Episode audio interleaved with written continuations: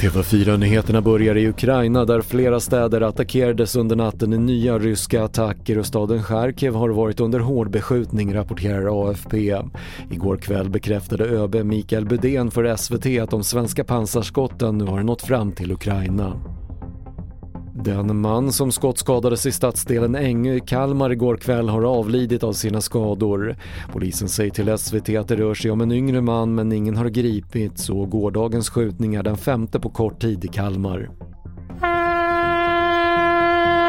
För första gången i år ska Hesa Fredrik testas i eftermiddag. Klockan 15 kommer larmet att ljuda över landet och med tanke på omvärldsläget vill MSB och SOS Alarm uppmärksamma allmänheten extra mycket på att det bara är ett test av signalen. Det är ju oroligt i omvärlden och tittar man på tv-bilder från Ukraina så hör man ju flyglarm och Därför känner vi nu att även om det här är någonting vi gör varje kvartal så är det lite extra information som behövs för att folk inte ska vara oroliga när det börjar tuta från taket. Det sa Björn Skoglund på SOS Alarm och fler nyheter hittar du på tv4.se. Jag heter Patrik Lindström.